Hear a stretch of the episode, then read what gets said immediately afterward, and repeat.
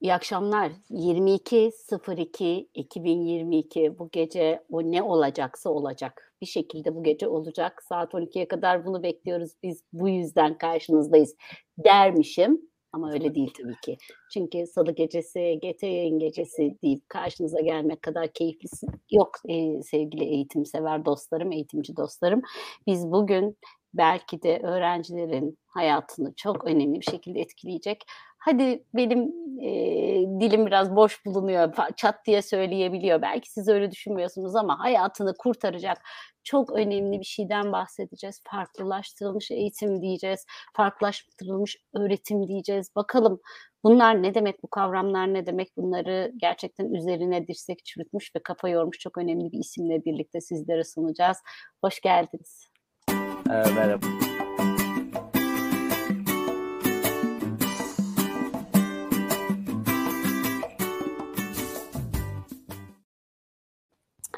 Öyle erken merhaba demek yok. Önce Astrolistlerin hoş geldin demesi gerekiyor ve sonra intromuz dönecek. Ee, gerçekten çok kıymet verdiğim bir başlık. Ee, kendimi e, alanda e, bildim bileli üzerine e, düşündüğüm, e, yurt dışında çok takip ettiğim, yabancı kaynaklardan çok takip ettiğim, e, sonunda da Türkiye'de hakkında yazılanların, çizilenlerin olduğu gün sevinçten havalara uçtuğum bir e, yaklaşımdan bahsedeceğiz bugün. E, bu anlamda bize katkıları çok büyük olacak sevgili Doktor Serkan Demir bizde. Hoş geldin arkadaşım. Ee, hoş bulduk. Bu sefer doğru yerde. Hoş, Bu sefer hoş doğru yerde. aynen. aynen aynen. Hoş bulduk. Çok teşekkür ederim. Ee, biz bu yayını tabii yine kocaman dev gibi bir ekiple yapıyoruz. Onların da e, sizlerle buluşmasına vesile olayım. Kerim hoş geldin. Hoş bulduk hocam. Merhabalar. Ee, bir küçük ekleme yapabilir miyim bugüne dair? Şöyle bir e, sosyal medyada bir e, gönderi gördüm. E, 22.02.2022 saat 22.22.22'de hani kime mesaj atıyorsan en değer verdiğin, en sevdiğin odur diye. Hadi. E, mesaj attığınız e, insanlar e, çoğalsın, artsın ya da e, olsun e, temennisiyle bu Yayına başlamak istiyorum ben. Senin bir mesajın var belli ki. Lütfen KJ'de görelim. Altta o mesaj neyse kime gideceği önemli değil ama mesajın kendisini görmek istiyorum. Eğitim camiasında bu mesajı. Peki. Peki. Merhaba Tarık. Hoş geldin yayına. Hoş bulduk hocam. Ee, yani saat veya gün fark etmeden her salı burada olmaktan dolayı çok mutluyum. Ee, çok özel bir konu cidden. Ee, benim de üzerine düşündüğüm ve e, anlamaya çalıştığım bir konu. O yüzden e, çok merakla dinliyor olacağım ve e, yanımda defterim de hazır. Not da almaya çalışacağım. Ne güzel. E, bu arada e, yani böyle iki tane erkek sahneyi ele geçirdi ve bütün EGT'ne onlar yapıyor zannediyorsanız aldanıyorsunuz. Sevgili Yağmur Gür ve sev, sevgili Merve Aydın e, klavye silahşörleri olarak arkada çalışacaklar. Bu ek, e, ekrandan mesajlarımızın daha çok insana ulaşması için bunlar onların ayağını kaydırıyorlar ama ben kadın dayanışması adına en kısa zamanda onları da ekranda görmek istiyorum. Dinçer e, We Love Serkan diye girmiş yani. Ne güzel harika. Evet, e, ve e, Kerim mesajımı bekle der e, ilk mesaj talebin karşılandı Kerim. Hani Dinçer'den olmayaydı da olurdu ama sevgili Dinçer'de eksik aslında oldu. ben Dinçer Hoca'ya e, şey Dinçer diye teşekkür ederim Dinçer Hocam e, peki sevgili Serkan Hocam şimdi farklılaştıracağız bir şeyleri. Bu bir Hı-hı. yaklaşım diyeceğiz ve bu Hı-hı. yaklaşımın bir takım ihtiyaçları var diyeceğiz ve bu konuda Hı-hı. seni bilen, okuyan, dirsek çürüt, çürüten ve bu işe kafa yoran olarak da sunacağız. Ama Hı-hı. önce başlayalım ki Serkan Demir kimdir, nereden gelir, nereye gider bu yolculukta bu ekranda olmasının vesilesi nedir? Ee, öncelikle bu ekranda davet için çok teşekkür ederim hepinize, size ve burada yapımda geçen, emeğe geçen tüm arkadaşlara çok teşekkür ederim. Görünen, görünmeyen herkese çok teşekkür ederim. Ee, sizin de söylemiş olduğunuz benim dert edindiğim, benim e, belki dirsek çürütmeye devam ettiğim, üzerinde çalıştığım bir konu farklılaşmış öğretim. Ben bir öğretmenim, e, Milli Eğitim'de 20. yılım öğretmenlikte. E, bu süreç içerisinde aynı zamanda e, Yıldız Teknik Üniversitesi'nde yüksek lisans ve doktora eğitimimi tamamladım. E, Yıldız Teknik Üniversitesi doktora eğitim sürecinde e, farklılaşma öğretim üzerine çalışmayı gerçekleştirdim. Aslında bu benim bir tezimle ortaya çıktı. Ve ben burada bir teşekkürü de e, Münir Erden, değerli hocamız Profesör Doktor Münir Erden'e de çok teşekkür etmek istiyorum. Çünkü onun desteğiyle bu yolculuğa ben başladım farklılaşmış öğretime. Ee, daha sonra tabii ki bunu, e, bu farklılaşmış öğretimi e, evet ben öğrendim, ben uyguladım kendi sınıfımda. Ama ben bunun e, ülkemizde de bir ihtiyaç olduğunu gördüm ve bununla ilgili öğretmen eğitimleri vermeye başladım. Farklılaşmış öğretimi öğretmenlerle karşılaştırdık. Özellikle de ülkemizde farklılaşmış öğretime baktığımız zaman üstün zeka çocukların eğitimde daha çok kullanıldığı gözlemliyoruz. Ve daha çok orada kullanılıyor ama bunun diğer sınıflarda da uygulanması gerektiğini bildim. Bununla ilgili önce e, ne kadar etkiliyle ilgili bir takım bilimsel yayınlar yaptım. Bunu makaleler olarak paylaştım. Farklılaşmış öğretim sizin de az önce söylediğiniz aslında bir yaklaşım, bunun bir takım yöntemleri var ve ben o yöntemlerle ilgili uygulamalar yaptım ve uygulama sonuçlarını diğer öğretmenlerle de paylaştık ve bunu daha da yaygınlaştırmak adına bu yöntemlerin bütün öğretim kademeleri ilgili örneklerle öğretmenlere buluşturmak amacıyla bir de e, kitap yayınladım. Bu kitapta da yine uygulamalı örneklerle farklı bir öğretim yöntemleri. E, burada da amaç dediğim gibi e, her kademeden, her dersten öğretmenin bu uygulama örneklerle karşılaşmaları gerekliydi. Böyle bir çalışmayla devam ettim. Bu çalışma tabii devam edecek. Ben henüz daha Berken'in başında olarak görüyorum. Bununla ilgili yapılacak çok şey var. Çok şey ee, var tabii. Aynen, aynen. Ee, inşallah sizlerin, sizin gibi böyle çok değerli çalışmalar yapan e, değerli hocalarımızın çalışmalarıyla birlikte inşallah bunu daha da yaygınlaştıracağız. Şule hocam bu hafta benim de gönüllüsü olduğum bir model demiş farklılaştırılmış eğitimle ilgili olarak. Tüm eğitim ve eğitim ekibine ve değerli hocamıza hoş geldiniz diyorum demiş. İlhami Serdar Karaman hemen yayın öncesinde daha pek çok grupta paylaştı bu yayını. Güzel bir yayın diliyorum. Serkan hocamı keyifle takip ediyorum demiş. Evet, Bunlar bizim için çok güzel. Emine İcilal Yılmaz da bekliyoruz heyecanla sunumu demiş. Bunları da özellikle okuyorum ki biz burada aslında e, ekranda 2-3 kişi olmadığımızı söylüyoruz ama e, işte bazen söz uçuyor, yazı kalıyor. O yazıların neler yazdığını e, göstermek istediğim için okumak istiyorum izin olursa. Şimdi de önce buna niye ihtiyaç duydu Hı-hı. bu dünya diye sormak istiyorum. Hı hı. Ee, yani bir yerde çıktı bu, bir yerden çıktı hı. ve bir şekilde hı. gündemimiz oldu. İlgiyle de takip ediyoruz. Tabii ki şimdi Şule hocam olsa hemen Bloom taksonomisinden başlar, e, revize Bloom'dan başlar anlatmaya, hı. ihtiyaca cevaben tarafını anlatmak için. Hı hı. Ama e, ben senin gözünden merak ediyorum. Bu ne işe yarıyor bu bu kadar ihtiyaç duyduğumuz ve hepimizin merakla beklediği konu? Hı. Şimdi aslında farklılaşmış öğretimde baktığımız zaman ben neden buna ihtiyaç duyuyoruz, bu neden var ilgili soruyu ben aslında üç boyutla, üç e, ana unsurla cevaplamaya çalışıyorum. Bunlardan e, birincisi şöyle tanımlayayım. Biz öğretmenler hangi e, kademede görev yapıyorsak yapalım, hangi dersin öğretmeni oluyorsak olalım, sınıflarımızda aynı yaştaki grup öğrencilerle karşılaşıyoruz. Evet. Ama bu öğrenciler aynı yaşta olmalarına rağmen bu çocukların kalıtım ve çevre özellik birbirinden farklı olmakla birlikte bu çocuklar o sınıfa gelirken farklı deneyimlerle, farklı ön bilgilerle, farklı hazır buluşuklarla, farklı yaşantılarla geliyorlar. Bu çocukların farklı merakları var, farklı duyguları var bu çocukların. Bu çocukların Hı-hı. farklı öz yeterlilikleri var. Dolayısıyla bu çocuklar o sınıfa gelirken aslında bireysel farklılıklarla geliyorlar. Ve evet. her çocuk oraya geldiği zaman öğretmenin kendisiyle bağ kurmasını istiyor. Ben şimdi size ve şu an bizi izleyen seyirciye şunu sorduğumda ilkokuldan günümüze kadar geldiğinizde öğretmenlerinizi hatırlayın dediğimde hangi öğretmeninizi daha olumlu duygularla tanımlıyorsunuz? Eminim sizinle bağ kuran öğretmenin adını söyleyeceksiniz. Yani sizin ya e, güçlü yanınızı ortaya koyan ya sizin eksikliğinizi tamamlama noktasında size destek olan, sizin duygularınıza saygı duyan, sizi karar alma becerilerine dahil eden, e, sizinle oyun oynayan, sizinle gülen, sizinle aile süreçlerinizle ilgili bilgi olan hocanızın aklınıza gelecektir. Belki o hocanın dersinde ders durumunuz düşük olacak ya da yüksek olacak ama o öğretmen sizinle bağ kurmuştur. Dolayısıyla e, bağ kuran öğretmenlerle yapmış olduğumuz süreçler çok daha farklı oluyor ve farklılaşmış öğretim bir kere bize bunu sağlıyor. Yani çocuklarla, öğrencilerle bağ kurmamızı sağlıyor. Hı hı. Dolayısıyla ve biz bütün öğrenci merkezi yaklaşımlarla ilgili çalışma yaptık. Hep şunu belirtiyor, bize şu vurgulanıyor. Çocukla bağ kurun.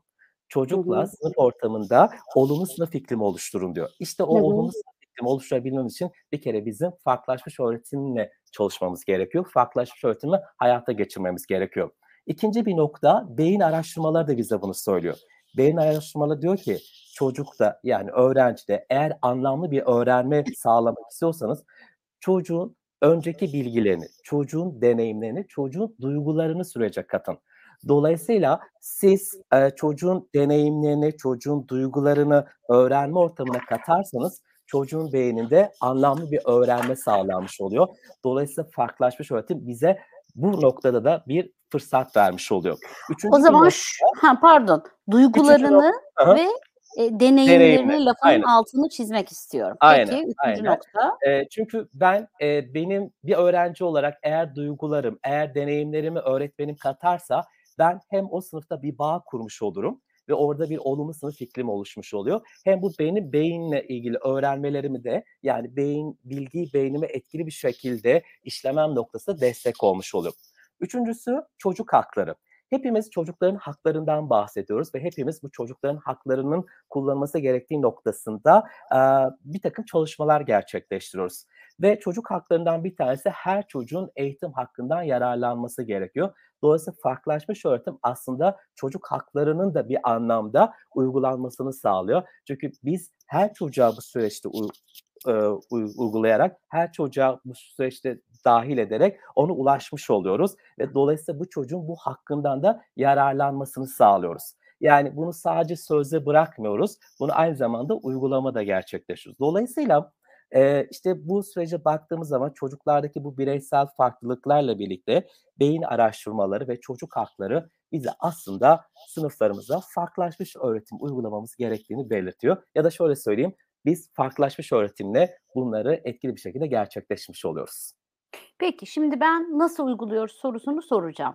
Diyeceğim Hı hı. ki ben bir biyoloji öğretmeniyim, nasıl farklı, fen öğretmeniyim, nasıl hı. farklılaştıracağım dersimi. Sınıfımda da var 25-30 çocuk. Nasıl Hı hı. farklılaştıracağım diye soracağım. Bu cepteki sorum.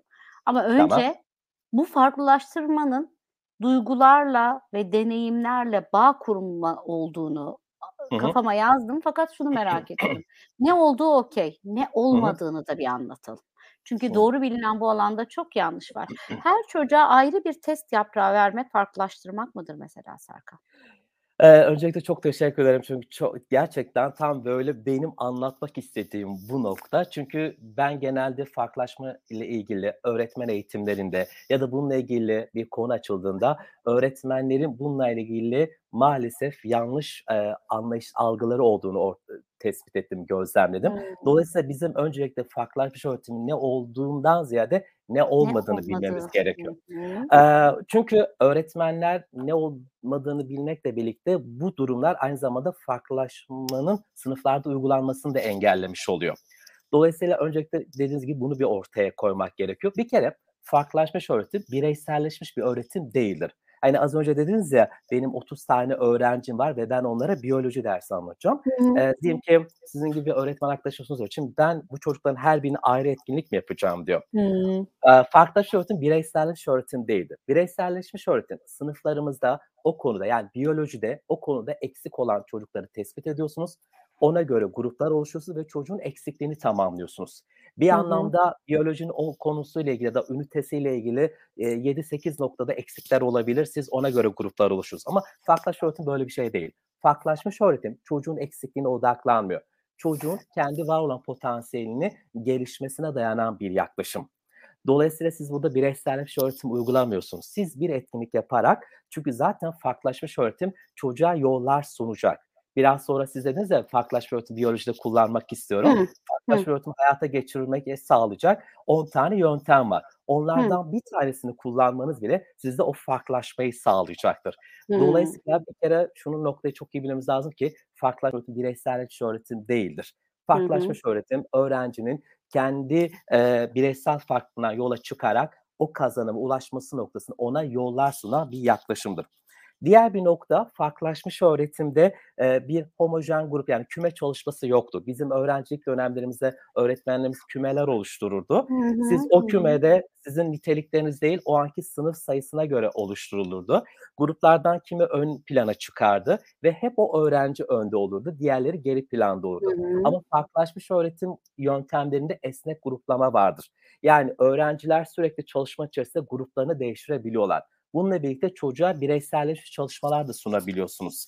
Hı hı. Çocuk ilgisine göre grupları değiştirebiliyor. Çocuk hazır buluşuna göre etkin, e, grubunu değiştirebiliyor ya da öğrenme stiline göre çocuk e, grupları değiştirebiliyor. Dolayısıyla yöntemler size bunu çok rahat bir şekilde uygulama fırsatı veriyor ve siz o yöntemleri uygulayarak sınıfınıza esnek gruplama yapıyorsunuz ve bu esnek gruplamayla çocuk kendi özelliğine göre o kazanıma ulaşmış oluyor. Bir de Hı hı. e, hep eğitimde şöyle bir bilgi vardır. E, sınıfında bireysel farklılıklar olduğu zaman bir öğretmenin yapacağı en uygun şey farklı yöntem teknikler kullanmaktır. Bu bize birazcık çoklu zekadan geliyor. Evet. Bu, bu yanlış bir bilgi değil. Evet bu doğru Hı hı. ama Evet. farklılaşmış öğretim aynı anda birden fazla yöntemi kullanmak değildir. Siz tek bir yöntemi uygulayarak da aynı anda çocuklara farklı yollar sunuyorsunuz. Sadece bu yöntemleri net olarak bilmek gerekiyor. Çünkü bu yöntemlerin bazıları hazır buluşlara göre farklılaşma yapıyor. Bazıları ilgilerine göre farklılaşma yapıyor. Bazıları öğrenme stillerine göre farklılaşma yapıyor. Yani e, siz sınıfınızda 3-4 tane yöntemi aynı anda uygulamıyorsunuz. Siz bir yöntemi uygulayarak o yöntem zaten size farklılaşmayı sağlamış oluyor. Dolayısıyla öğretmenlerimizin farklılaşma uygularken bu yöntemlere hakim olmaları onların bu çalışmaları çok kolaylaştıracaktır. Ve biyoloji öğretmeni olan Ece Hocam Hı. o 30 öğrencisine bir yöntemi uygulayarak da farklılaşmayı sağlamış olacaktır. Bir örnek versem çok böyle sevdiğin bir örnek var mı? Çok kolay anlattığını düşündüğün bir örnek var mı hemen böyle cebinde? Ee, şey vardır ya hani e, bazen e, bir sanatçıyı albümünde şey sorarlar. En sevdiğin şarkı hangisidir? e, sanatçı şey der. Valla o benim çocuklarım gibi onları ayırt edemem diye belirtir ama şimdi farklılaşmış öğretimde ben de kitabımda 10 tane yöntemden bahset e, orada verdim. Hı hı. E, hepsi tabii birbirinden etkili ama şu an tanımlamam gerekirse e, mesela katlı öğretim yöntemi var. Hı. Katlı öğretimde öğrencileri biz e, önce temel bir etkinlik yapıyoruz. Temel etkinlikte öğrencinin hazır buluşunu ortaya koyuyoruz. Daha Evet. sonra öğrenci o hazır buluşuna göre alt, orta ve üst grup diye öğrencileri gruplandırıyoruz ve öğrencilere buna göre e, görevler veriyoruz.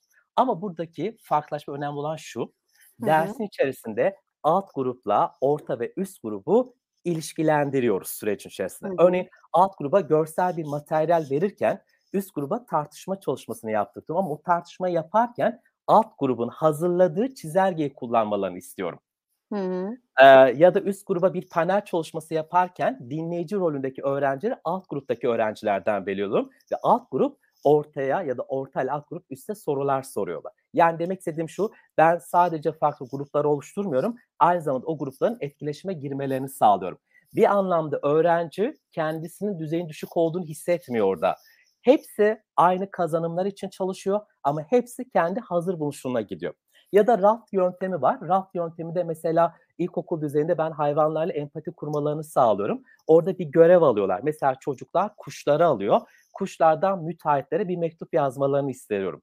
Ya da çocuklar mektupla yazabiliyorlar bunu ya da bunu dramayla canlandırabiliyorlar. Bunu şarkı da istiyorsa. Yani orada çocuk türü kendisi seçiyor. O türden kullanarak hayvanlarla empati kurmasını sağlıyorum.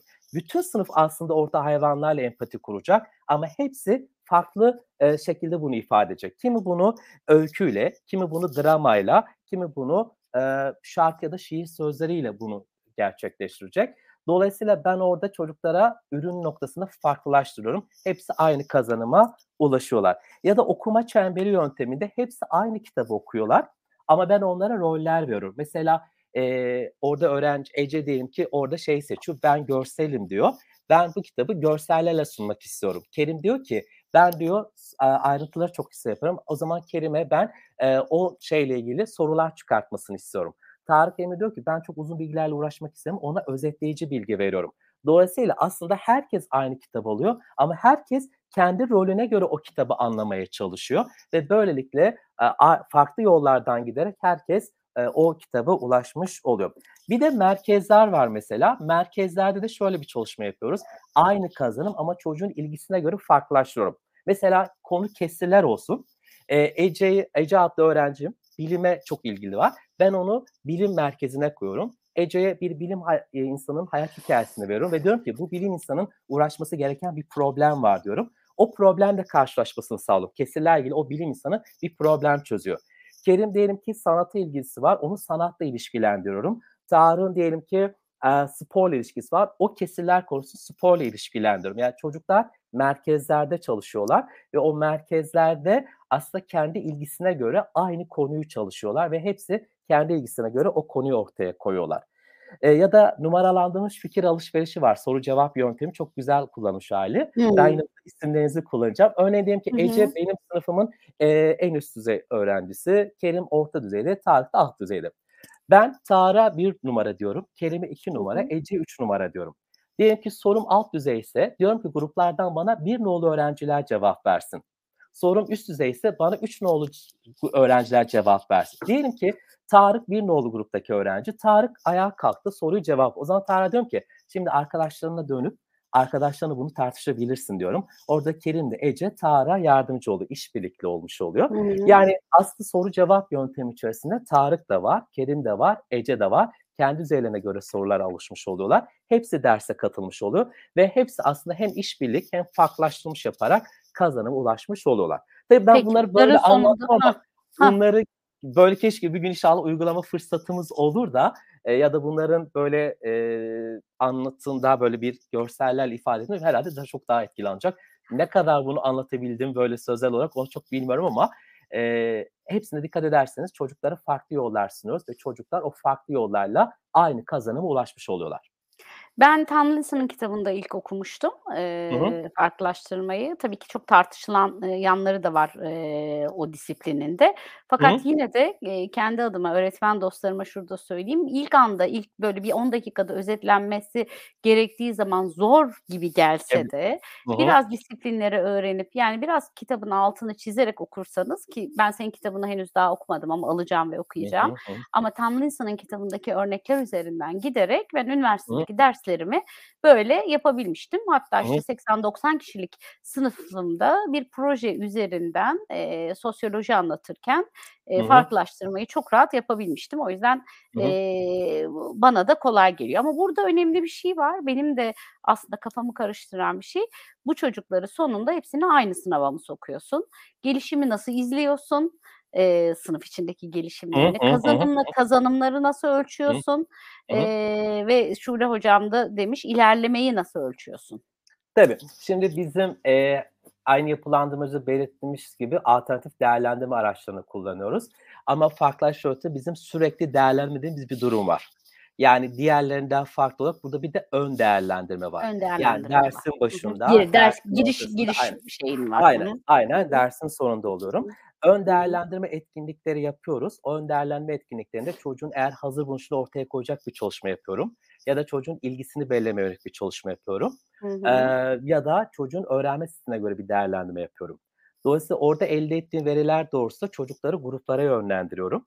Hı Çocuklar o hı. grup çalışmalarını biçimlendirici değerlendirmeyle gerçekleşiyorlar. Sonuçta dersin kazanımı aynı olduğu için Hı sonuçta hı. etkinliklerde, yollarda farklılaşma oluyorlar. Zaten çocuklar o farklılaşmada ve birbirleriyle etkileşime girmede zaten öğrenmiş oluyorlar. Hani az önce katlı öğretimi Hı. alt, orta, üst diye ayırdık ya.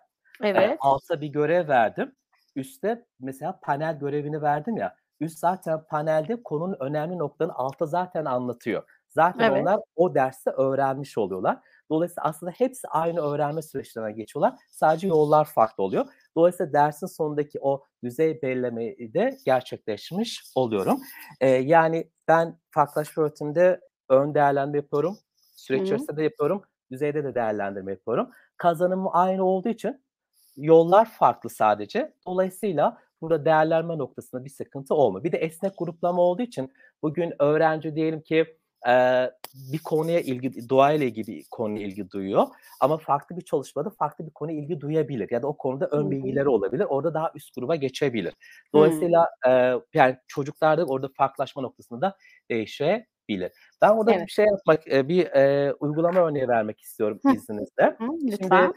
eee, biz diyoruz ki farklılaşma öğrencinin hazır buluştuğunu, öğrencinin ilgisini, öğrencinin öğrenme stilini diyoruz. Bugün Hı baktığınız hı. zaman hazır buluşlukla ilgili, ilgiyle ilgili ya da e, öğrenme stiliyle ilgili bilimsel olarak geçerli güvenli ispatlanan birçok şey var.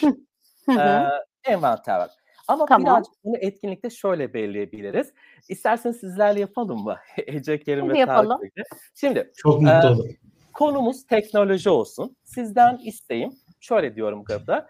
Teknolojiyle ilgili aklınıza gelebilecek sorular yazın diyorum. Hı Teknolojiyle aklınıza gelen birkaç soru yazabilirsiniz eğer isterseniz. Yani siz bilirsiniz. Ama yazın diyorum. Teknolojiyle ilgili sorular yazdıktan sonra şöyle yapıyorum. Bu esnada sizlerle soruları. Diyorum ki bu soruları açık uçlu ve kapalı uçlu olarak değerlendirin. Sorunuz Hmm. açık uçluysa artı koyun, kapalı uçluysa eksi koyun diyorum. Burada öğretmenlerimiz artı eksi olarak koyuyorlar. Hı hı. Sanırım bunları yaptık. Hı hı. 2-3 Hı hı. soru da olabilir hiç problem değil. Ee, sonra şöyle söylüyorum. Artı ve e, eksi yani kapalı ve açık uçlu sorularınızı belirledikten sonra diyorum ki e, kapalı uçlu sorularınızı açık uçluya çevirin diyorum. Hı. Kapalı uçlu açık uçluya çevirin diyorum. Evet. Kerim burada bir Kerim diyelim. Bir aydınlandım. Aynen. E, Şimdi e, onun nedenini de söyleyeceğim. Ya bunları yapmamın nedenini de söyleyeceğim. Sonra sizin elinizde diyelim ki Kerim hocam siz az önce dört tane soru oluşturdunuz. Diyelim ki üç tanesi açık bir tanesi kapalıydı. Onu da açığa çevirdin. Elinde dört tane açık uçlu oldu değil mi? Hı hı. Şimdi diyorum ki bu sorular içerisinde en çok beğendiğiniz, en çok sevdiğiniz soru işaretleyin diyorum. Hı hı. Bu sorular için en çok beğendiğiniz, en çok sevdiğiniz. Kerim sorunu benimle paylaşabilir misin?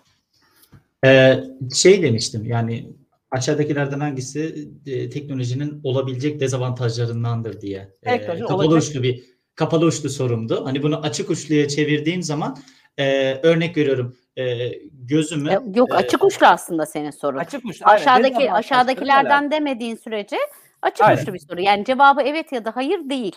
Geniş Aynen. olarak aslında cevap şıklarım verecek. vardı. Ha tamam. Ha, ş- Tamam. şıkları ben- unut. O test. Aynen. şıkları unut. aynen, aynen, aynen. Şimdi anladım. Yani, Kera, e, şey, e, Kerim diyor ki e, teknolojinin dezavantajları nelerdir? Şimdi bu gayet Ee, açık uçlu bir soru ve sen bunu aynen. çok beğendin. Dört Aynen. sorunun içindeki en çok beğendiğin soru bu oldu. Nasıl Aynen. devam Tarık ediyoruz? Hocam, Tarık Hocam senin de alalım istersen. Ben dedim ki teknoloji yaşam ile ne kadar ilişkilidir? Yaşam ile ne kadar ilişkili. Şimdi e, teknoloji baktığınız zaman aslında çok geniş bir konu. Ama Kerim ile Tarık benim öğrencimse o zaman demek ki Kerim teknolojinin dezavantajlarını merak ediyor.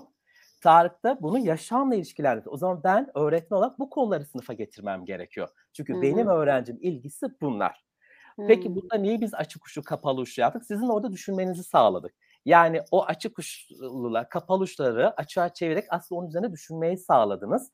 Ve yine düşünerek kendi ilginize getirdiniz. Ben bunu öğretmen eğitimlerinde yapıyorum. Genelde öğretmenler bununla ilgili işte mesela şeyi merak ediyor. E, işte yapay zeka ile birlikte acaba meslekler ne olacak diyor. Ya da Hmm. bunu çocuklarda nasıl kur? O zaman demek ki benim öğrencim bunu merak ediyor. Eğer o kişi benim öğren, o zaman benim onu getirmem lazım. Yani bütün teknolojinin tarihini, teknolojinin şeyini merak etmedin. Siz neyi merak ettiniz? Bunu merak ettiniz. Bakın ön değerlerimin bu çıktı. O zaman ben bundan sonraki etkinliğimi ona göre gerçekleştirmem gerekiyor. Ve bu- tarz bir çalışmada çocuklara hangi konuyu verirseniz verin, çocukların sorularından çıkacak cevaplar aslında çocuğun ilgi duyduğu, çocuğun merak ettiği şeydir. Dolayısıyla hazırmış. Ben ne yapıyorum? Bu konuyu almış oluyorum.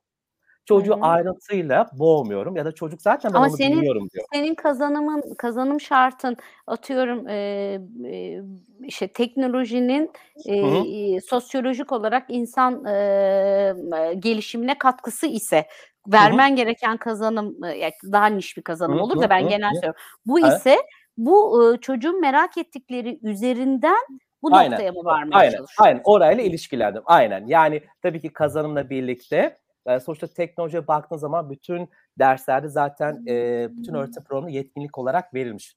E, dijital vatandaşlık olarak zaten verilmiş. Dolayısıyla bütün şeylerde var. Dijital Ama ben aynen evet. aynen aynen bu şekilde ilişkilendirerek ben ne yapmış olurum? Böyle konu vermiş olurum. Ya da e, Tarık'la ben e, böyle hani bireysel çalışmalarda verebiliyoruz ya e, farklı öğretimde. Hı. Böyle bir konuyu vererek o konuyla ilgili araştırma yapmasını ve onu gelip arkadaşlarına sunmasını isteyebilirim. Böylelikle onun ilgi duyduğu, merak ettiği konuyu vermiş olurum. Yani Atıyorum burada Bazen- Yağmur olsaydı Yağmur'un e, tasarımı olan becerisini bildiğimiz için sen bu işin e, birisine makalesini yaz, birine kapağını tasarla, Hı hı.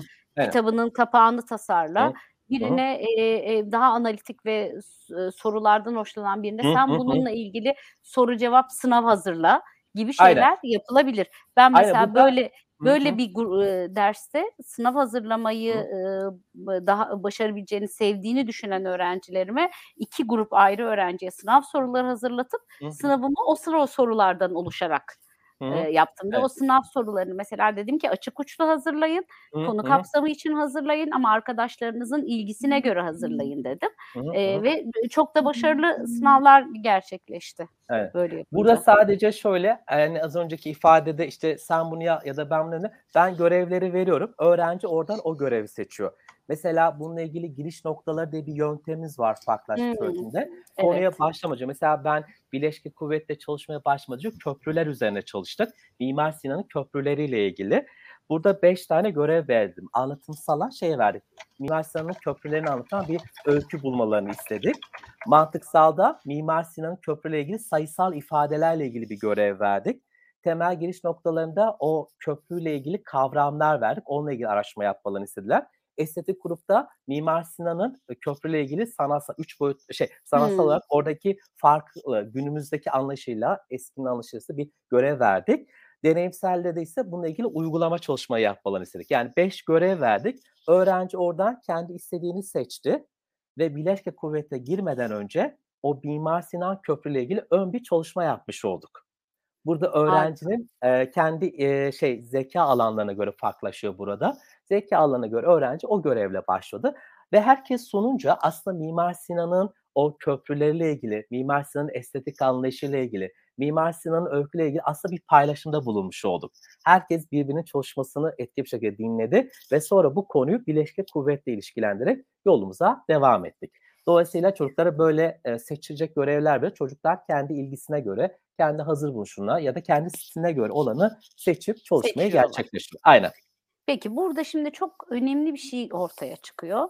Ders saatimiz belli, Hı hı. eee, haftalık ders programımız belli, zamanımız belli Hı hı. Eee, ve eee, ben öğretmenlerimin sorduğunu duyar gibiyim. Hı. Bu işleri yapabilmek için 30-40 tane öğrencim var sınıfta ve Hı hı. bunları senin söylediğin gibi yapabilmek için onları iyi tanımam gerekiyor mu? Hı hı. Ya da bu işin böyle bir dezavantajı var mı? Yani bunu tanımak için bir zamana ihtiyacım var çocukları tanımak için.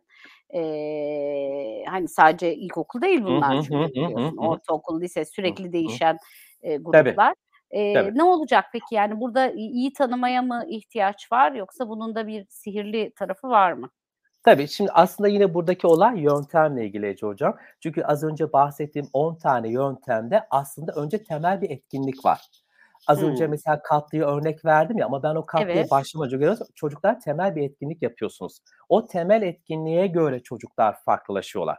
Dolayısıyla e, siz temel etkinliği sağlıklı şekilde gerçekleştirdiniz ama ya da az önce ilgi çalışması yaptık. Onu dersin başında yaptığınızda ya da ya çocuklara o envanterler uyguladığımızda çocuğun o özel ortaya koyduktan sonra Evet. zaten yöntemler size böyle bir fırsat vermiş oluyor. Yani şöyle söyleyeyim, farklılaşmış öğretim yöntemlerini doğrudan çocuğa gruplara ayırmıyor. Çocuğa temel bir etkinlik yapılıyor.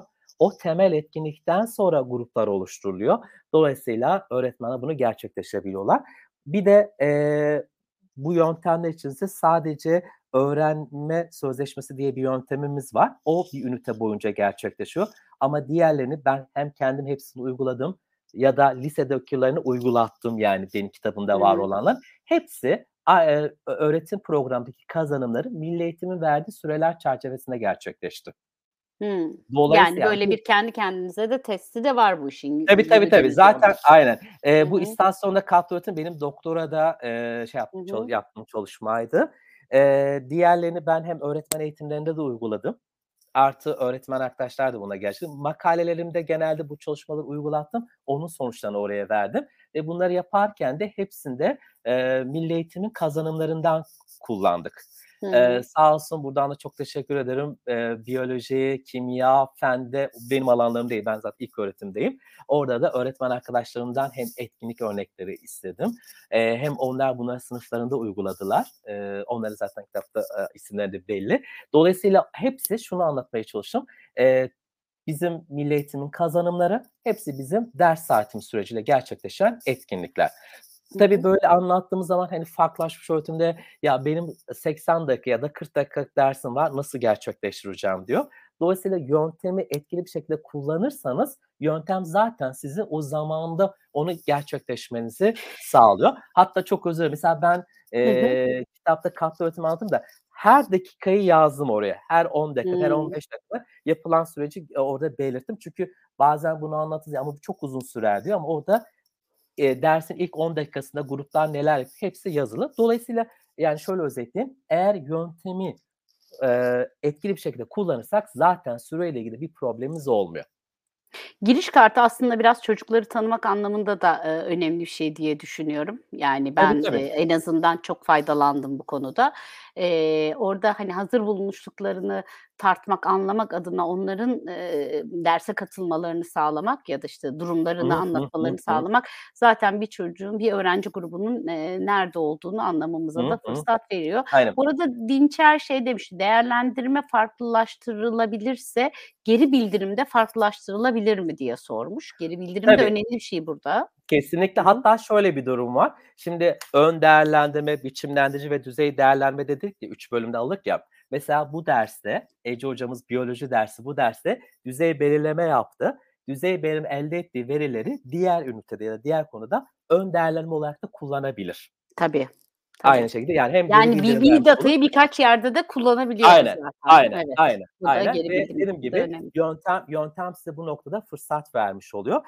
Ben mesela az önce e, öğrenme sözleşmesi diye bir yöntemden bahsettim bir ünite evet. boyunca. Onun Hı-hı. çok güzel bir noktası var. Orada da çocuğa seçme şansı veriyorsunuz. Örneğin diyelim ki e, çocuklara bir ünite boyunca 9 ya da 12 görev belirliyorsunuz. Diyelim ki 9 görev belirleyeceksiniz. Hı hı. 6 tanesini öğretmen olarak siz belirliyorsunuz. 3 tane çocuğa bırakıyorsunuz. Hı. Çocukla birlikte 9 tane çocuk e, görev belirliyorsunuz. Ve çocuğun bu süreçte e, görevlerini yapmasını bekliyorsunuz. Bir de öğrenme sözleşmesinde şeyler oluşuyor. Şimdi farklı öğrenci mesela Kerim'le Tara ben e, iki tane sözleşme verdim. Ama şöyle yapıyorum. Diyelim ki Kerim benim üst düzey öğrencim, Tarık benim daha düşük düzeyde bir öğrencim. Fark etmeden ben Kerim'in görevlerinin altına kareler çiziyorum. Tarık'ınkine daireler çiziyorum. Onun bir şekli var. Hı. Bunlar fark etmiyorlar ve ben o görevler aslında düzeylerine göre oluşturulmuş görevler oluyor. Ve onu tamamladıkça ben onun takibini de yapmış oluyorum. Hı. Dolayısıyla hem öğrenci sözleşme yapmış oluruz hem öğrenci öğrenme sorumluluğunu da üstlenmiş oluyor. Yani Kerim diyor ki ben öğretmenimle bir sözleşme yaptım. İçine kendim de kattım. Üç tanesi benim, altı tanesi öğretmenin, dokuz tane görevim var. Ve ben ünite boyunca bu dokuz görevi gerçekleştireceğim diyor. Ve dokuz görevde öyle görevler ki bunu isterseniz bölüm taksonomisine göre farklılaştırabilirsiniz. Hı-hı. İsterseniz ilgiye göre farklılaştırabilirsiniz. Yani ya da öğrencinin hazır buçuk düzeyine göre de farklılaştırabilirsiniz öğrenci o dokuz görevi yerine götür hem de öğrenmesinin e, sorumluluğunu da üstlenmiş oluyor hem de bir farklılaşma sağlamış oluyorsunuz ve o ünite boyunca öğrenci süreç içerisinde aynı zamanda aktif de olmuş oluyor. Peki, eee, Emine, hocam Emine İclal Yılmaz der ki disiplinler arası öğretimde farklılaştırmış eğitimi kolaylıkla uygulayabiliriz demek ki diye Hı hı. düşünüyor. Ben de bu noktada senin de fikirlerini almak istiyorum. Hakikaten eee, artık hani gelmemiz gereken nokta Hı. keşke Ziya Hoca'nın o 2023 vizyon belgesindeki hayalini gerçekleştirebilsek. İnşallah yaparız. Eee, yani bir fen bilimleri dersi değil, doğa bilimleri dersi haline getirebilmek hı hı. bütün dersleri. İşte e, sadece bir matematik dersi değil, matematik becerileri dersi haline getirebilmek. Hı hı. E, hayattaki yani o okuldaki e, dersleri hayata e, sığdırmak anlamında ve burada da disiplinler arası ilişkiyi kullanmak çok önemli diyorduk. Ama galiba farklılaştırılmış öğretim, eğitim modelim, öğretim modelimiz buna e, çok da fırsat veriyor doğru anladıysak eğer. Kesinlikle az önce e, giriş noktaları yönteminde çocuklara dikkat edilmesi görev verirken Türkçeden de görev verdim, matematikten de verdim, e, görselden ve fenden de vermiş oldum. Ya da RAP tekniğinde öğrenciler hayvanlarla etkileşime girerken e, Türkçeden de yararlandılar. İsterlerse onu fendeki deneylerle de onu sunabilir. Yani e, dolayısıyla ben disiplin arası bir çalışma vermiş oldum. Ya da bugün hmm. baktığınız zaman bizler disiplin arasında sistem gibi farklı çalışma yaparken 5E ya da 7E çalışmalarını yapıyoruz. Orada derinleşme basamaklarında çocukların e, yine bu hazır buluşunu, çocuğun ilgisine, çocuğun e, öğrenmesine göre farklılaşma yapabiliriz. Yani diğer yöntemlerle aslında biz ne yapabiliriz? Farklılaşmayı sağlayabiliriz. Harika. E, disiplin arası ilişkilendirmede bunu gerçekleştirebilir. Çünkü çocuk örnek verim matematiğe ilgisi varsa ben o Türkçeyi matematikle ilişkilendirebilirim, disiplinle ilişkilendirebilirim ve farklılaşmış öğretim zaten bana böyle bir fırsat veriyor. Dolayısıyla ben zaten o yöntemi uygularsam hem disiplin arası ilişkilendirmeyi de sağlıyorum hem de öğrencinin o özelliğini süreç içerisinde yerleşmiş olurum ve çocuğu o kazanıma farklı yollarla ulaşmış olurum. Yani yöntem bana bunu sağlıyor. Peki Gülver Alatlı demiş ki bu yöntemle içeriği oluşturan bir derste motivasyon tavan olur. Fakat burada da diğer öğretmenlerimin de şunu sorduğunu duyar gibiyim. Tamam hoş yani tavan olur motivasyon çok güzel olur ama bunun hazırlığı da hiç kolay değil. Bu yöntemleri öğreneceksin. Bu yaklaşımı kavrayacaksın. O 10 tane yöntemden bahsediyorsun ki bu hani çeşitlendirilebilir. Hani sonuçta bunları kavrayacaksın. Bununla ilgili içerik hazırlayacaksın. Çocuğu tanıyacaksın. E hala mesela Deniz Ömür 40 dakikalık bir derste bütün bunları nasıl yapıyorsunuz diye sormuş. Haklı Hı olarak Hı hı, anlatıyoruz. hı hı. öğretmene çok mu yük düşüyor bu işte acaba? Şimdi az önce siz Tomlinson'un kitabından bahsettiniz. Tomlinson da kitabın başında şunu belirtiyor. Tabii ki her derste farklılaşma tabii ki yapılamıyor. Hı Yani ben her 40 dakikada bir farklılaşma yapacağım diye böyle bir şeyle zaten yola çıkamıyorum. Ama şöyle bir durum var. Biz öğretmenler olarak hepimiz ne diyoruz? Sınıfımda olumlu iklim oluşturayım, öğrenciyle bağ kurayım diyor. Hepimiz ne diyoruz? Çocuğun beyninin gelişimini destekleyeyim. Ve hepimiz diyoruz ki çocuğun haklarından yararlanması gerektiğini bahsediyoruz. O zaman bunu yapmak istiyorsak biraz da böyle bir zahmete katlanmamız gerekecek. Ama Peki. dediğim gibi az siz e, hatırlarsınız ilk başta bu yanlış bir anlaşılma ya da Hı hı. yanlış bilgilerimiz var efendim. Ama biz gerçekten farklılaşmış noktasıyla ilgili yöntemlere hakim olursak zaten bu bizi yormayacaktır. O yöntem zaten sizi öğrenciyi tanımanızı da sağlayacaktır. Öğrenciye farklı yollar sunmanızı da sağlayacaktır. O yüzden yöntemin genel özen bilince bu zorluklarda olmayacaktır diye inanıyorum yani. Bunu net bir şekilde söylüyorum. Çünkü ben bunu direkt uygulayan biri olarak söylüyorum. Uygulayan, uygulatan, uygulanmış dersleri izleyen ben de kendi adıma üniversitede deneyimlemiş biri olarak altına imzamı atarım. Son bir tane daha Çok- sorum var. Ee, Kerim dur bunu sorayım ondan sonra sana vereyim sözü olur mu? Bu soru da çok önemli. Ee, şimdi biz bu farklılaştırmış eğitimi, öğretimi yapacağız, ee, öğreneceğiz, ee, taşın altına elimizi koyacağız, uğraşacağız. Dersimizi e, e, belki de yüzde yetmişini, yüzde seksenini bu hale getireceğiz programımızın. Ama ondan sonra bir tane veli çıkacak. Kardeşim siz ne yapıyorsunuz? Benim yan komşumun çocuğuyla bunlar aynı derse girmiyorlar mı? diye verecek. E, Burada Dilek Karaçelik demiş ki e, tamam ikinci sınıfa kadar iyimser de veliler genellikle bundan sonrasında e, biraz bazen sıkıntılar yaşanabiliyor. Bu konuda neler önerir diye sormuş. Şimdi ben az önce şunu belirttim program başında. Ben bu yöntemden hangisini uygularsam uygularım zaten dersin kazanımı aynı. Yani ben sınıfımda ya da Ece hocam biyoloji dersinde 15 öğrencisi biyoloji farklı konuyu diğerinde farklı kazanım vermeyecek zaten. Aynı kazanımı alacaksınız. Aynı kazanıma herkes ulaşacak ama farklı yollarla ulaşacak. Sonuçta öğrenci zaten o kazanımla öğrenmiş bir şekilde oradan ayrılacağı için zaten velinin ya da e, diğer paydaşların kafasında böyle soru işareti oluşmayacak. Dediğim gibi farklılaşma tanımda zaten böyle belirtiyor. Aynı kazanıma çocukların farklı yollarla ulaşmasını sağlıyoruz. Dolayısıyla hani böyle bir sorun da zaten olmayacak. Hı hı. Hı. Kerim? Ben şöyle bir şey eklemek istiyorum. Ee, hani uygulanması konusunda e, Serkan Hocam ufak bir ek- ekleme yapacağım. Tabii ki. Eğer e, buradaki hani farklılaştırmış öğretime ben eğer hakim olursam kendi öğretmenlik yolculuğumdan biliyorum. Bir şeye hakimsem günlük yaşamda gördüğüm bir ağaçtan, bir karıncadan ya da kaldırım taşından bile ben e, o e, Hı. dersime yönelik bir e, materyal ya da fikir üretebilirim. Aslında hı. hayatımın geneline yansımış oluyor. Eğer e, Kesinlikle. buradaki yöntemlere e, Hı. aşina olursam benim için her yer aslında bir e, materyal malzemesi oluyor. Bu da Senin aslında şunu da sorman lazım. Teknolojiyi geliyor. nasıl entegre ederiz bu işe? Yani bu yaklaşım teknolojiye entegre edilebileceği bir alan mı diye de sormak geldi şimdi sen bunu söyleyince. Yani senin için her yer bir alan ama bir yandan da bir teknoloji öğretmeni olarak da hani onu da düşünürsün diye geçirdim aklımdan. Teknoloji Kesinlikle. entegre edilir mi bu işe? Kesinlikle. Önce Kerim Hoca'nın birinci e, birinci paydaşlığıyla paylaş, bir şey belirtmek istiyorum. Kerim Hocam farklı öğretim yöntemiyle birlikte bir süre sonra şöyle oluyorsunuz. Ee, az önce mesela 5E'den 7E'den bahsettim ya da numara almış fikir alışmış aslında iş birlikte öğrenme yönteminde. Ben bunu nasıl farklılaşmayla ilişkilendirebilerim diyorsunuz ya da ben bunu evet. nasıl farklılaşma sürece dahil edebilirim diyor. O yöntemleri de isterseniz bir süre sonra farklılaştırıyorsunuz ve bu da hani o e, farklılaş öğretimde daha da e, şey oluyorsunuz, e, etkileşime girmiş oluyorsunuz. Dolayısıyla e, doğal olarak gelişiyor. Kesinlikle aynen. Evet, doğru ifade buydu. Doğal olarak o gelişiyor. Teknoloji noktasına baktığımız zaman da e, farklılaşma öğretimde biz bir dersin hem içeriğini hem öğretme öğrenme süreçlerini hem ürünleri hem de değerlendirmeyi farklılaştırıyoruz. Bu dört tane boyutu teknoloji dahil edebiliriz.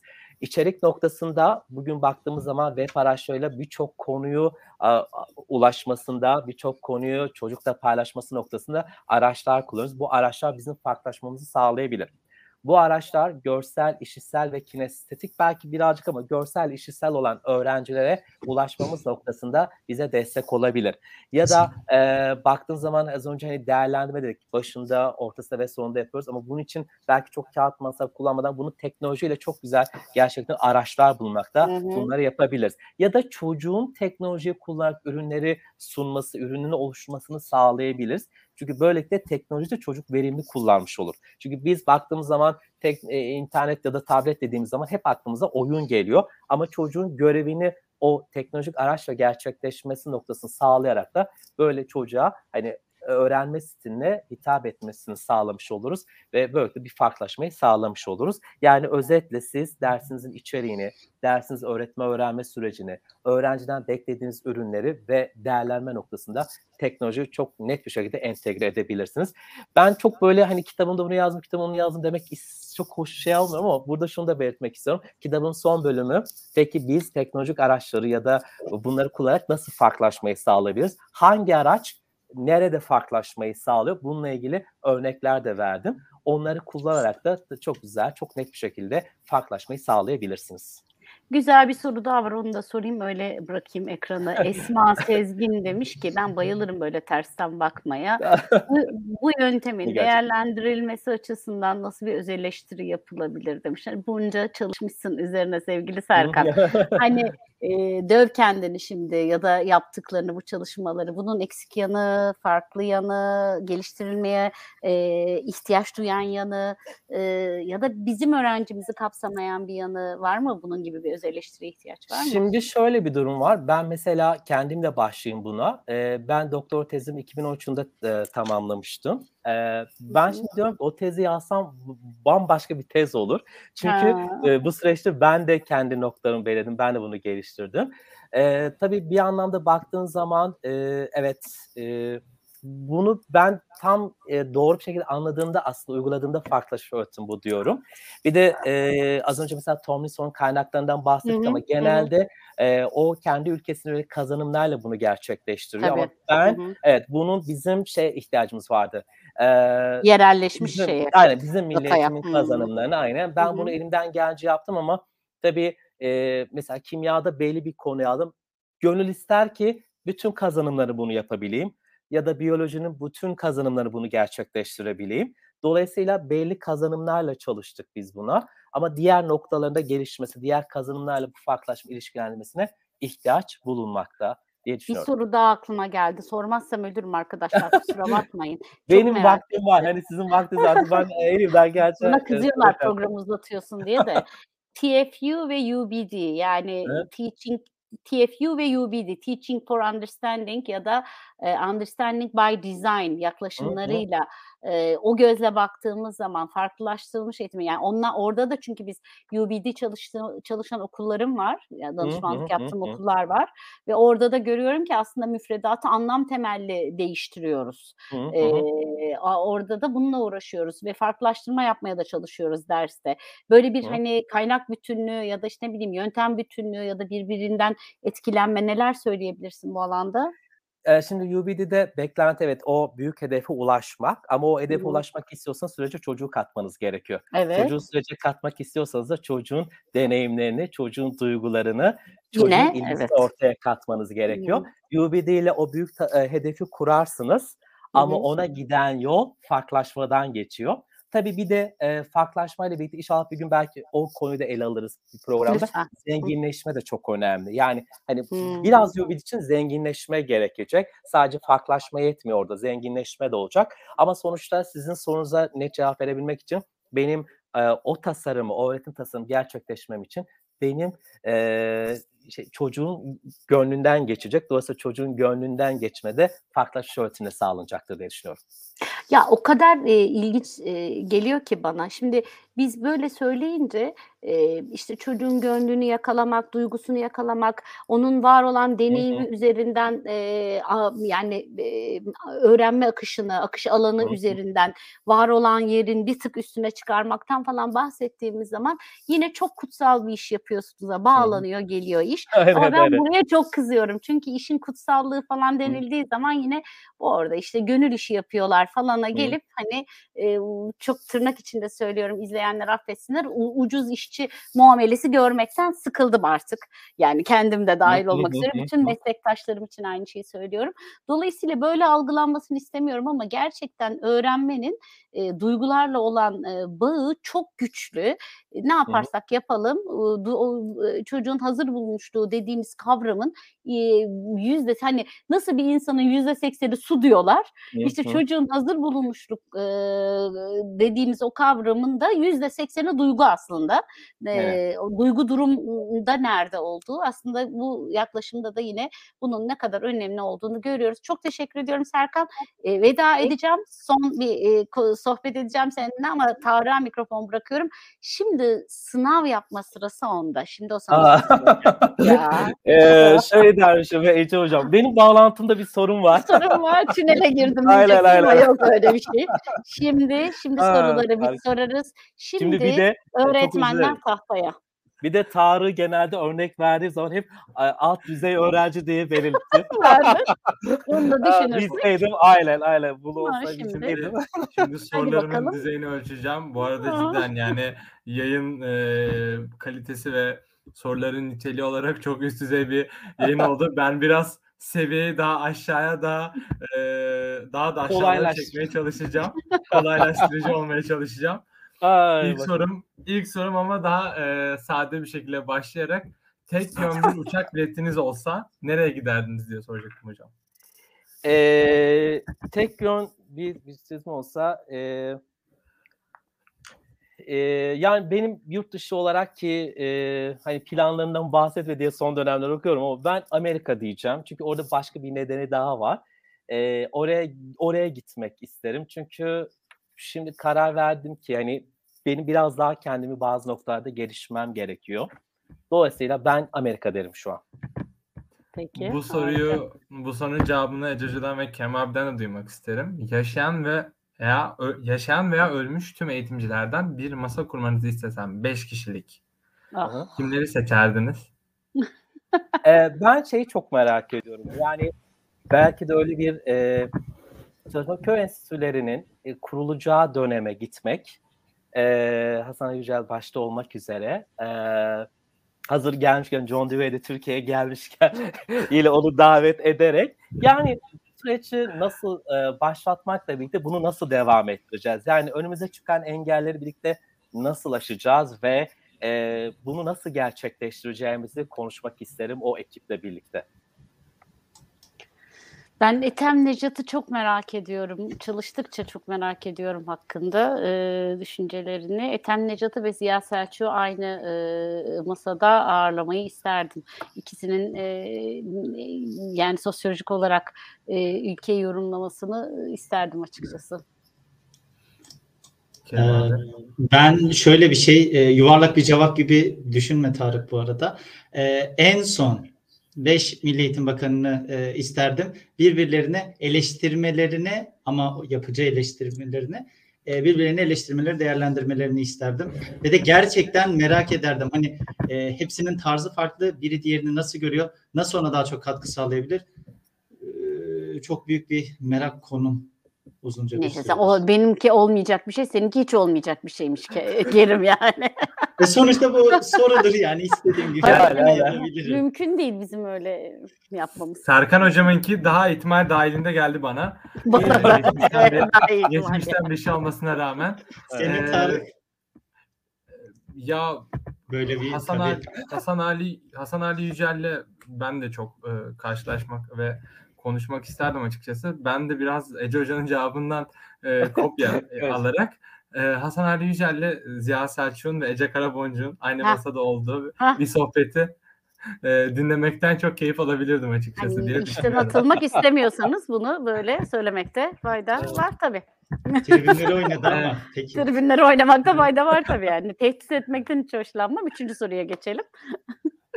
E, hocam bu sorunun cevabının şu anki mesleğinizden farklı olabileceğini düşündüğüm için soruyorum. Küçükken ne olmaya hayal ederdiniz? Ya valla eee, ben e, bunu hep e, şey, eğitimlerden dolayı ben hep öğretmendim aslında. Sadece alanımın farklı olmasını isterdim ama psikolog olmayı çok isterdim. Hatta e, böyle üniversite ilk tercihim PDR alanı üzerindeydi. Yani psikolog olmayı çok isterdim. Eğer hani öğretmenden bağımsız bir süreç işte, psikolog olmayı çok isterdim. Ama ben hep baktığım zaman böyle oyunlarımda da ben hep öğretmendim. Eee, bu hani birinci sınıfta, ba- ikinci sınıfta bazı öğrenciler okumaya geçer, diğerleri geçemez ve öğretmen onu görevli. Hep beni görevlendirmişti. Ben Malatya'da okumuştum. Böyle köyden gelen arkadaşlar olurdu. Hani okuma yazmayı öğrenmeyen geç konulara. Onlara teneffüslerde biri bir şey öğretti. Hep ben o olurdum.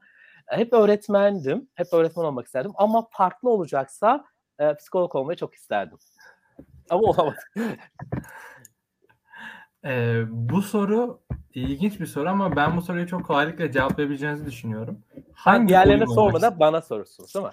Ha- hangi oyun olmak isterdiniz? Hangi? Oyun olmak isterdiniz. Aa, ilk hemen aklıma gelen saklambaç olmak isterdim. Niye? Nedeni söyleyeyim.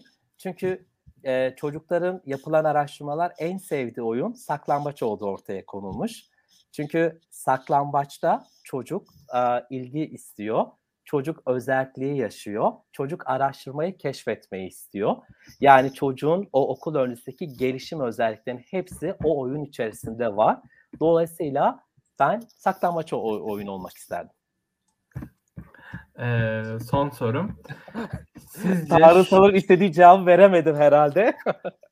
hocam çok güzel cevap verdiniz. Evet. Olmadı bu kısmı. Bu kısmı montajda montajda kesmeyi Evet. düşünüyorum şu an.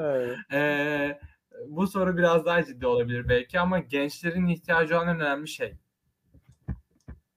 Ee, şöyle belirteyim. Bunu ben de şu an üniversitede derse e, girdiğimde üniversitedeki öğrencileri böyle gözlemliyorum. Kendimize gözlemliyorum. Ee, sorgulamıyoruz. Sorgulamadan olduğu gibi kabul ediyoruz. E, genelde ben eğitim fakültesindeyim. Oradaki arkadaşlarla hani çalışıyorum. E, bilgi olsun ya da işte verilen haklar olsun ya da yaşam sürecindeki durumlar olsun sorgulamıyoruz. E, bence e, sorgulamaya ihtiyacımız var. E, şu anki gençlerin bu noktaya çok ihtiyacı var. E, hani hazır bilgi almaktansa sorgulamaya, düşüncelerini açıkça belirtmeye ihtiyaçları var. Ben bunu söyleyebilirim şu an iki kitapta aklıma gelen. Seninle aynı hocam. aynı üniversitede e, birlikte çalıştığımız dönemlere Aynen. gitti şimdi kafam. E, sen bunu söyleyince hakikaten e, orada e, ben hem İngilizce öğretmenleri öğretmen adaylarıyla hem de okul öncesi öğretmen adaylarıyla çalışıyordum. Hı hı. E, sanıyorum sen de onlara giriyordun ve hep Evet. orada şeyi fark ediyordum. Gerçekten soru sormaya "Ha, bir sorunuz var mı dediğim zaman soru çıkmayan sınıfların Hı hı, ve hı hı. çok yüksek puanlarla giren bir üniversite sonuçta hani orası girilen bir üniversite. Eee, buna rağmen eee, böyle öğrencilerin olması tabii çok üzücüydü. Aynen. Sanıyorum sen de aynı şeyleri hissediyorsundur. Aynen. Öyle bir Ee, ihtiyacımız var.